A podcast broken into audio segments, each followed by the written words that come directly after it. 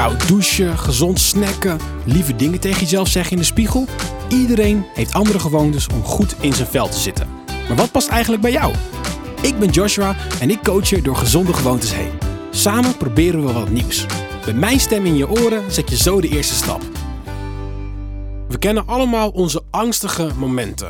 Of je nu in het donker bang bent voor monsterlijke figuren uit de film die je laatst keek, of serieuzere zaken zoals sollicitaties, iets presenteren of iemand opbellen met een vervelende boodschap. Wat zou het lekker zijn als je op zo'n moment een stemmetje tevoorschijn kon toveren die wat moed inspreekt. Maar ja, dat kan natuurlijk niet.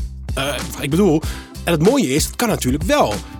Dus daar ga ik het vandaag over hebben. Pak alvast pen en papier of open een kladblokje op je laptop en dan ben je klaar om te starten.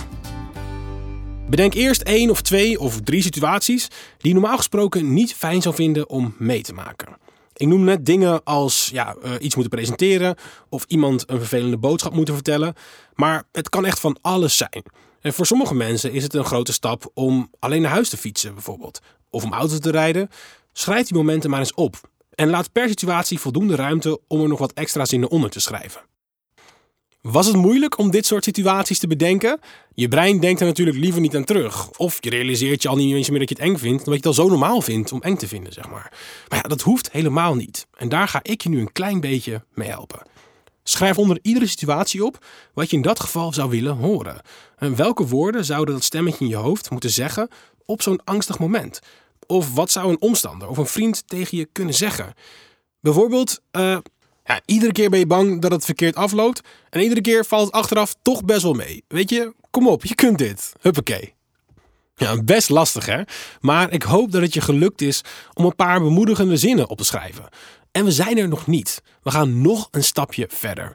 Neem een voice memo op op je telefoon en spreek de bemoedigende woorden in die je net zelf hebt opgeschreven. Heel rustig, precies op de manier hoe jij ze naar een ander uit zou spreken. Gedaan? Nou, dan ben ik heel erg trots op je. En anders trouwens ook.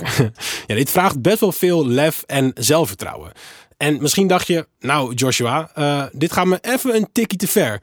Weet je, dat is ook prima. Ja, wat we samen hebben gecreëerd is een soort van stem, een supporter of ja, een privécoach op oproepbasis. Iedere keer als je in een benauwde situatie zit, kun je even luisteren naar de bemoedigende woorden van jezelf. Misschien haal je er precies het juiste gevoel uit. Ja, en misschien moet je er ook wel gewoon om lachen. En dat is ook oké. Hoe dan ook, tof dat je dit hebt gedaan. En dat was hem weer. Een nieuwe gewoonte die meetelt voor je gezondheid. Niet jouw ding om zo tegen jezelf te praten? Volgende week weer een kans. Meer weten over hoe je kunt ontspannen? Ga dan naar zk.nl slash meer ontspannen.